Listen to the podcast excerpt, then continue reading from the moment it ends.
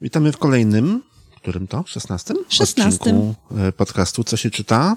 Dzisiaj będziemy kontynuowali temat, który zaczęliśmy w zeszłym tygodniu. Czyli książki pisane przez autorów, którzy wcześniej już e, zasłynęli jako autorzy książek dla dorosłych. Ale tym razem e, jako autorzy książek dla dzieci. Strasznie to jest niestylistyczne, nagrajmy też teraz.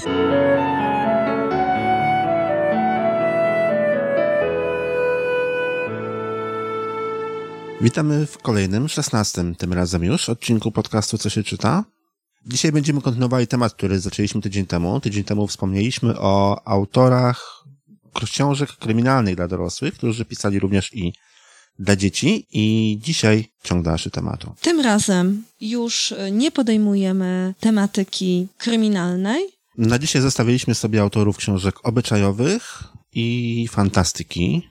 Autorem który popełnił jedną książkę dla dzieci, jest wspomniany już przez nas Leszek Kołakowski i omawialiśmy tą książkę w jednym z odcinków, to był trzynasty odcinek o pechu.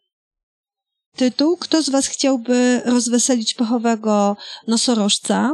Dlatego tą książkę również zostawiamy. Książkę omawiamy szczegółowo w trzynastym odcinku podcastu. Nie tylko jej treść, ale również y, kulisy jej powstania i wydania, które były dosyć zaskakujące i tak naprawdę jej wydanie było przesunięte o wiele, wiele tak, lat. Tak, nawet wspomnieliśmy, że sam proces wydawania książki nadaje się na odrębną książkę. Dokładnie. Co się czyta PL ukośnik 13, podpowiem. I przejdźmy do kolejnej grupy autorów, tym razem... Książki obyczajowe książki obyczajowe. To teraz już prawą stronę tego bardzo skomplikowanego diagramu mamy po części omówioną. Tak. Prawa strona jest omówiona, teraz przechodzimy do lewej strony, znacznie uboższej. Mamy tu książki obyczajowe i zaznaczyłam No, uboższe, dwóch... jeżeli chodzi o ilość pozycji, które spisałaś, natomiast zdecydowanie muszę tutaj zaprotestować, nie uboższe, jeżeli chodzi o pomysłowość autorów. Nie, to nie, absolutnie.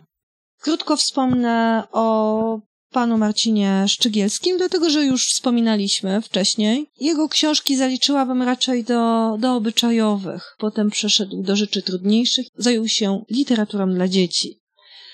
Wymienialiśmy dość szczegółowo, omawiałam, omawialiśmy również e, jedną z książek w dziewiątym odcinku podcastu. Także swobodnie możemy przejść do pana Janusza Leona Wiśniewskiego, który popełnił samotność w sieci. No, książkę niegdyś bardzo, bardzo popularną książkę, na podstawie której został zrobiony bardzo popularny film. I pan Wiśniewski napisał jeszcze wiele innych książek, i w tym również i dla dzieci. Tak, mamy tutaj bardzo ciekawą książkę, mamy ją przy sobie. Bardzo ładnie wydaną zresztą. Pięknie wydaną, tak. To jest e, książka specyficzna, dość niezwykła, nie tylko jak na nasze tutaj realia, jak i na pana, który ją napisał, bo też się nie do końca spodziewałam takiej książki po panu Wiśniewskim. Książka ma tytuł Marcelinka rusza w kosmos. Bajka trochę naukowa. To jest bajka nie trochę naukowa, to jest bajka bardzo naukowa. Tutaj rzeczywiście Marcelinka poznaje wszechświat, nie będę się za bardzo e, wgłębiać, ale pasuje właśnie ta książka troszeczkę do naszego poprzedniego tematu. Tak, do książek naukowych, o których rozmawialiśmy. Do książek naukowych. W ostatnim odcinku. Temat jest potraktowany dosyć e, specyficznie, nieco filozoficznie, ale to, co mnie w tej książce zachwyca... No wiesz, taki jest też styl pisania Wiśniewskiego, tak? Tak, to prawda. Po pierwsze to jest naukowiec, po drugie to jest osoba, która właśnie takiego stylu e, w swoich publikacjach używa. Może to być bardzo ciekawe urozmaicenie, jeżeli chodzi o półkę dziecięcą, ale mnie osobiście zachwycają ilustracje. Ta książka jest przepięknie ilustrowana przez panią e, Anię Jamrus. Książka jest w ogóle bardzo ładnie zrobiona, jest naprawdę rewelacyjne wydanie. Tak, jest pięknie wydana. Zachęca do, do czytania. Nie jest to książka do samodzielnego czytania, co widać już po druku. Jest to książka pisana językiem dość trudnym, ale może właśnie warto do niej e, zajrzeć ze względu na ten e, język, bo jak już mówiliśmy, niekoniecznie musimy wierzyć w to, że dzieciom trzeba wszystko wykładać w sposób bardzo prosty. No tak, no w ostatnim odcinku mówiliśmy chociażby o serii z myszką, tak? Szara mysz? Szara Mądra mysz. Mądra mysz. Mądra mysz. E, gdzie książki pisane są przecież takim językiem, że dorośli sobie na tym czasami języki łamią, a dzieci doskonale wiedzą o co chodzi. Także zapraszamy do zajrzenia do Marcelinki, która wyrusza w kosmos. A jest to wyprawa bardzo ciekawa i mam nadzieję, że zachęcająca do dalszego odkrywania. Będzie tam pan Foton. Wiesz, kto to jest pan Foton? Jeszcze nie. To musisz przeczytać. Przeczytam. I przejdźmy do fantastyki. No I tutaj mamy dwóch autorów, którzy, dwóch autorów, tak. jeżeli chodzi o książki dla zdecydowanie starszych, aczkolwiek nie dużo starszych, bo dla młodzieży i dla starszej młodzieży, i dla dorosłych, no to zasłynęli i o ile jeden z tych autorów napisał tych książek, nie wiem, tam z dziesięć chyba czy kilkanaście, o tyle drugi to popełnił ich kilkadziesiąt. Mam na myśli Terego Pratchetta. I Nila Gaimana. Oni zresztą razem też napisali tak. Mm, parę książek. To prawda. Przyjaźnili się. Jako czytelnik nie przepadam za fantastyką. Co ciekawe, czytam Terego Pratchetta, którego odbieram jako po prostu satyrę obyczajową. No, Terry Pratchett to jest, jest po prostu genialna, rewelacyjna satyra, e, ale, ale świat, który stworzył jest zdecydowanie światem fantastycznym. Tak, jest światem fantastycznym i mimo, że jestem opowiadaczką baśni, to nie wiem dlaczego nie przypadam za fantastyką. Chociaż, jeżeli chodzi o dobrą fantastykę, jestem ją w stanie docenić. Jak najbardziej, ale jako czytelnik wolę kryminały i książki przyrodnicze. Takim już jestem dziwakiem. Jednak od razu mówię, że przeczytałam. Przeczytałeś książkę, który mam przed sobą recenzję i jeżeli mogę tą recenzję... Na szczęście mleko czy koralinę? Na szczęście mleko. A, to ja obie przeczytałam. Wiecie, jak to jest, kiedy mama wyjeżdża służbowo, a tata zajmuje się domem. Mama zostawia mu długą, naprawdę długą listę spraw, których ma dopilnować. A najważniejsze polecenie brzmi, nie zapomnij kupić mleka. Niestety, tata zapomina, dlatego rano jeszcze przed śniadaniem musi iść do sklepu na rogu, a to jest opowieść o tym, dlaczego tak długo trwało, zanim wrócił. Występują profesor Steg, podróżujący w czasie dinozauru, kilka zielonych śluzowatych stworów, królowa piratów, słynny klejnot będący okiem sploda, kilka wampirów oraz całkiem normalny, ale bardzo ważny karton mleka. Jak dla mnie jest to opis, który już, już właściwie mnie zachęcił, żeby tą książkę przeczytać i zdecydowanie jest to książka, którą można polecić. Książka po prostu rewelacyjna. Książka pisana w takim stylu, w jakim pisze Gaiman, czyli książka pełna, e, pełna humoru, pełna niesamowitej wyobraźni autora, co, co widać właściwie na każdej stronie. I w taki sam sposób czyta się książki dla dorosłych, które Gaiman napisał, jak i właśnie chociażby tą mm, książkę Na szczęście mleko. Dla mnie e, Na szczęście mleko jest historią niesamowitą. Z jednej strony mnóstwo, mnóstwo fantastycznych rzeczy się tu dzieje, ale też takie charakterystyczne poczucie czasu dzieci, które czekają na ojca, który poszedł po mleko. Jego nie ma wieki, a więc tym czasie, skoro nie ma go już wieki. To musiało się zdarzyć mnóstwo, mnóstwo rzeczy.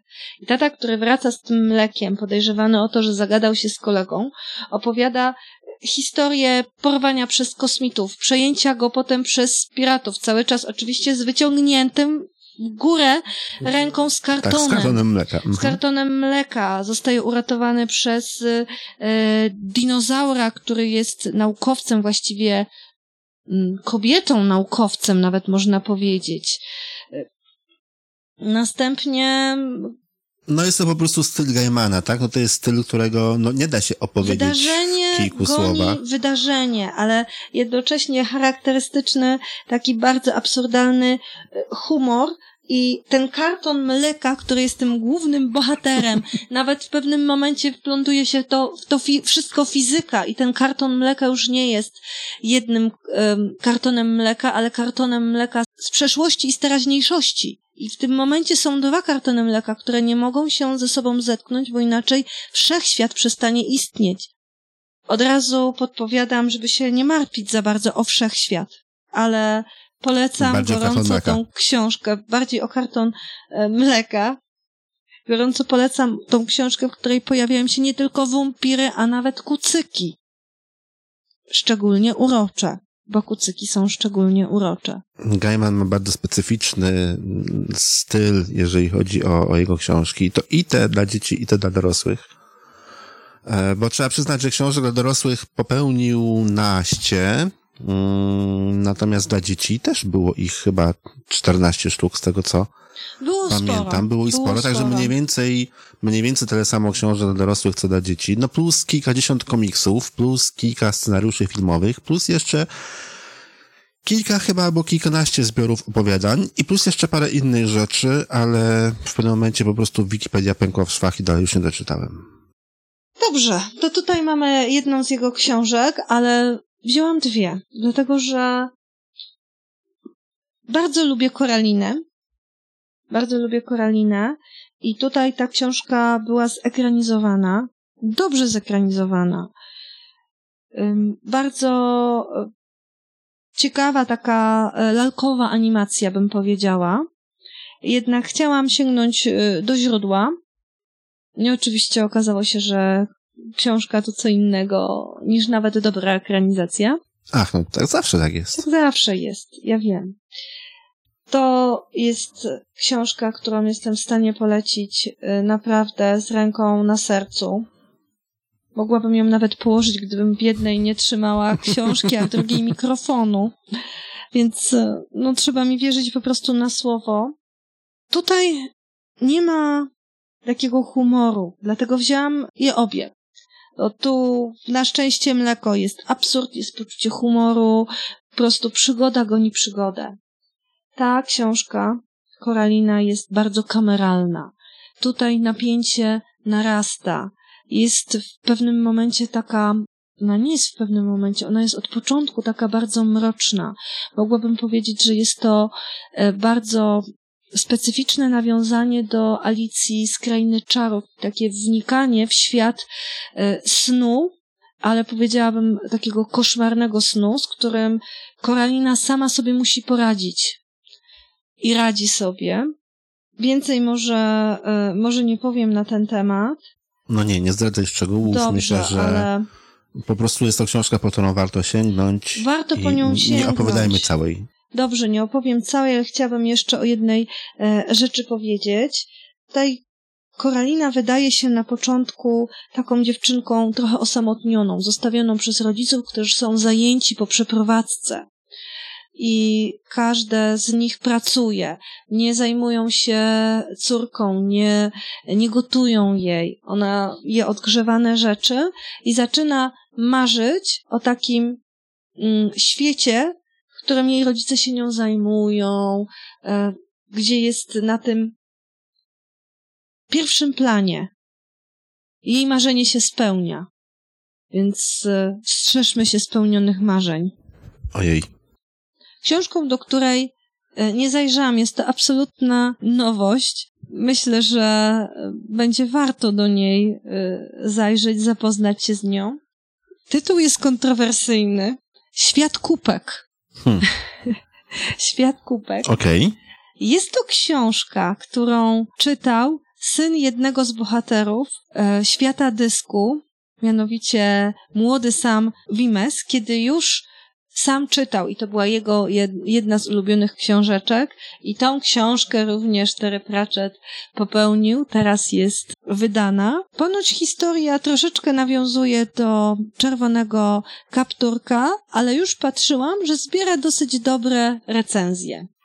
A czy się, myślę, że to- samo, sam, sam pomysł, żeby wydać książkę, którą w książce czytał bohater, to już samo to zasługuje na e, chociażby z- zwrócenie uwagi, a A Pratchett Pratchett pisze- jest z tego Pratchett znany. pisze w bardzo ciekawym stylu. To też jest autor, który ma naprawdę niesamowite pomysły i naprawdę potrafi wykorzystać język. W jednej z książek pojawiła się bohaterka, która pragnęła napisać przewodnik kolejowy i ten przewodnik kolejowy został wydany. Tak, tak, on też został tak. wydany. Mhm.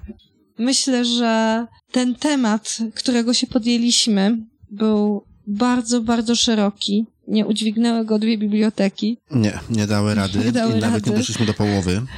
Jak spytałem w bibliotece autorów do dorosłych, którzy piszą książki dla dzieci, to dostałem na dzień dobry chyba z 10 nazwisk, tylko takich tych pierwszych, które pani przyszły do głowy. A przypuszczam, że gdyby się pani trochę jeszcze zastanowiła i, i pogrzebała troszkę też w katalogu, to znalazłoby, przypuszczam, przynajmniej drugie 10. Myślę, że tak. Myślę, że to jest e, dopiero początek, biorąc pod uwagę chociażby przykład e, Mankela, gdzie książki dziecięce stojące w e, Szwecji na tym samym poziomie popularności, co jego kryminały, tutaj są praktycznie nieznane. Znamy tylko jedną serię o Noelu. No tak, ale kto by się w ogóle spodziewał, że taki autor właśnie jak Menkel napisał jakiekolwiek książki dla dzieci? Przypuszczam, no że Szwedzi. Osób... No Szwedzi, no Szwedzi, tak, ale, ale u nas przypuszczam, że mało kto tak naprawdę szukałby tego typu książek. Mało kto w ogóle wiedziałby, że może o coś takiego pytać. Zauważyłam, że jeżeli klient się do czegoś przyzwyczai, to ciężko mu potem przejść na troszeczkę inny wizerunek danego autora, chociaż dany autor pisze różnorodnie. Ale to chyba tak z każdym autorem jest. Przecież e, Agata Christie, znana głównie z kryminałów, pisała również romanse, naprawdę. Tak, i też kryminały są znane, a nawet nikt nie chce słuchać o tym, że ona mogła napisać cokolwiek innego. Dokładnie, a pisała też romanse i książki obyczajowe. Autor przygód Sherlocka Holmesa, Conan Doyle, mhm. pisał książki historyczne. Też pisał różno, dużo różnych książek. Powiedz jeszcze na koniec, jak z tą twoją teorią spiskową. A, właśnie. Bo część twojego diagramu omówiliśmy, ale jeszcze nie wszystko. Gdy zaczęłam się wgłębiać w temat i wtedy już do ciebie napisałam, że nie starczy nam jednego odcinka na ten temat. Być może nie starczy nam dwóch, ale myślę, że dwa nam starczą. Czyli wiesz, jakbyśmy się postarali, to byśmy nagrali jeszcze dwa, ale... Tak, no... jak najbardziej, jak najbardziej, dlatego, że to jest tak naprawdę czubek góry lodowej, jeżeli chodzi o autorów, którzy pisali dla dorosłych, a potem zaczęli pisać y, dla dzieci, dlatego, że okazało się to na przykład bardziej ambitne, tak jak tutaj w przypadku Marcina y, Szczygielskiego. Jednak rozpisałam sobie tutaj taki wspaniały wykres, na środku mamy pisarzy, a potem zaczęłam rozpisywać, jacy to są pisarze. I okazało się, o czym już wspomnieliśmy, że pisarze kryminałów zdecydowanie najczęściej zaczęli popełniać książki dla dzieci. Znacznie mniej mamy książek pisanych przez pisarzy, którzy wcześniej pisali książki obyczajowe. Ale jeżeli chodzi o fantastykę, to tutaj też mamy ogromne bogactwo książek dla dzieci. Dla mnie wniosek jest prosty. Teoria nie jest y, bynajmniej tak spiskowa, jak mi się wydawało na początku. Chodzi mianowicie o to, że żeby pisać książki dla dzieci, trzeba mieć ogromną wyobraźnię, którą posiadają pisarze kryminałów oraz pisarze fantastyki no nie da się ukryć, żeby stworzyć świat dla dziecka, to ten świat musi być bardzo rozbudowany, wbrew pozorom, bo mogłoby się wydawać właśnie, że e, dzieci oczekują czegoś bardzo prostego. No tak nie jest, bo i język używany w książkach dla dzieci jest inny i świat stworzony dla dzieci jest zupełnie inny. Właściwie trzeba go stworzyć od początku. Często trzeba mm, patrzeć w taki sposób na świat, w jaki patrzą dzieci, co nie każdy dorosły też na sposób potrafi. Także no, na pewno wymaga to nie lada wyobraźni, ale też i umiejętności pisania. Sama wyobraźnia nie wystarczy. No, autorzy, których wymieniliśmy i w poprzednim, i w dzisiejszym odcinku podcastu, pisać potrafią. nie da się ukryć, pisać potrafią. Są to właściwie same gwiazdy. Bardzo popularni E, pisarze i nawet te książki, które piszą dla dorosłych, nie tylko te dla dzieci, a nawet te książki, które piszą, piszą dla dorosłych, są to po prostu książki naprawdę dobre. Dlatego warto zajrzeć do książek nie tylko tych, które ci pisarze, ci autorzy pisali dla dorosłych, ale również zobaczyć, co im podpowiedziała wyobraźnia, jeżeli chodzi o twórczość przeznaczoną dla dziecka, bo może być to nowe, odkrywcze i my sami możemy poznać danego autora z zupełnie innej strony i to też może być ciekawe. I całkiem nieźle przy tym się bawić. Zapraszamy do poszukiwań. Dzisiejszy odcinek co się czyta.pl ukośnik 16. Poprzedni odcinek, w którym zaczęliśmy ten temat co się czyta.pl ukośnik 15 i tradycyjnie zapraszamy do komentowania mm, pod spodem pod jednym bądź też pod drugim odcinkiem na naszej stronie internetowej. No i oczywiście do y, poszukiwań różnych innych książek. Możecie się również podzielić z nami takimi książkami na Facebooku. I do usłyszenia za tydzień. Do usłyszenia.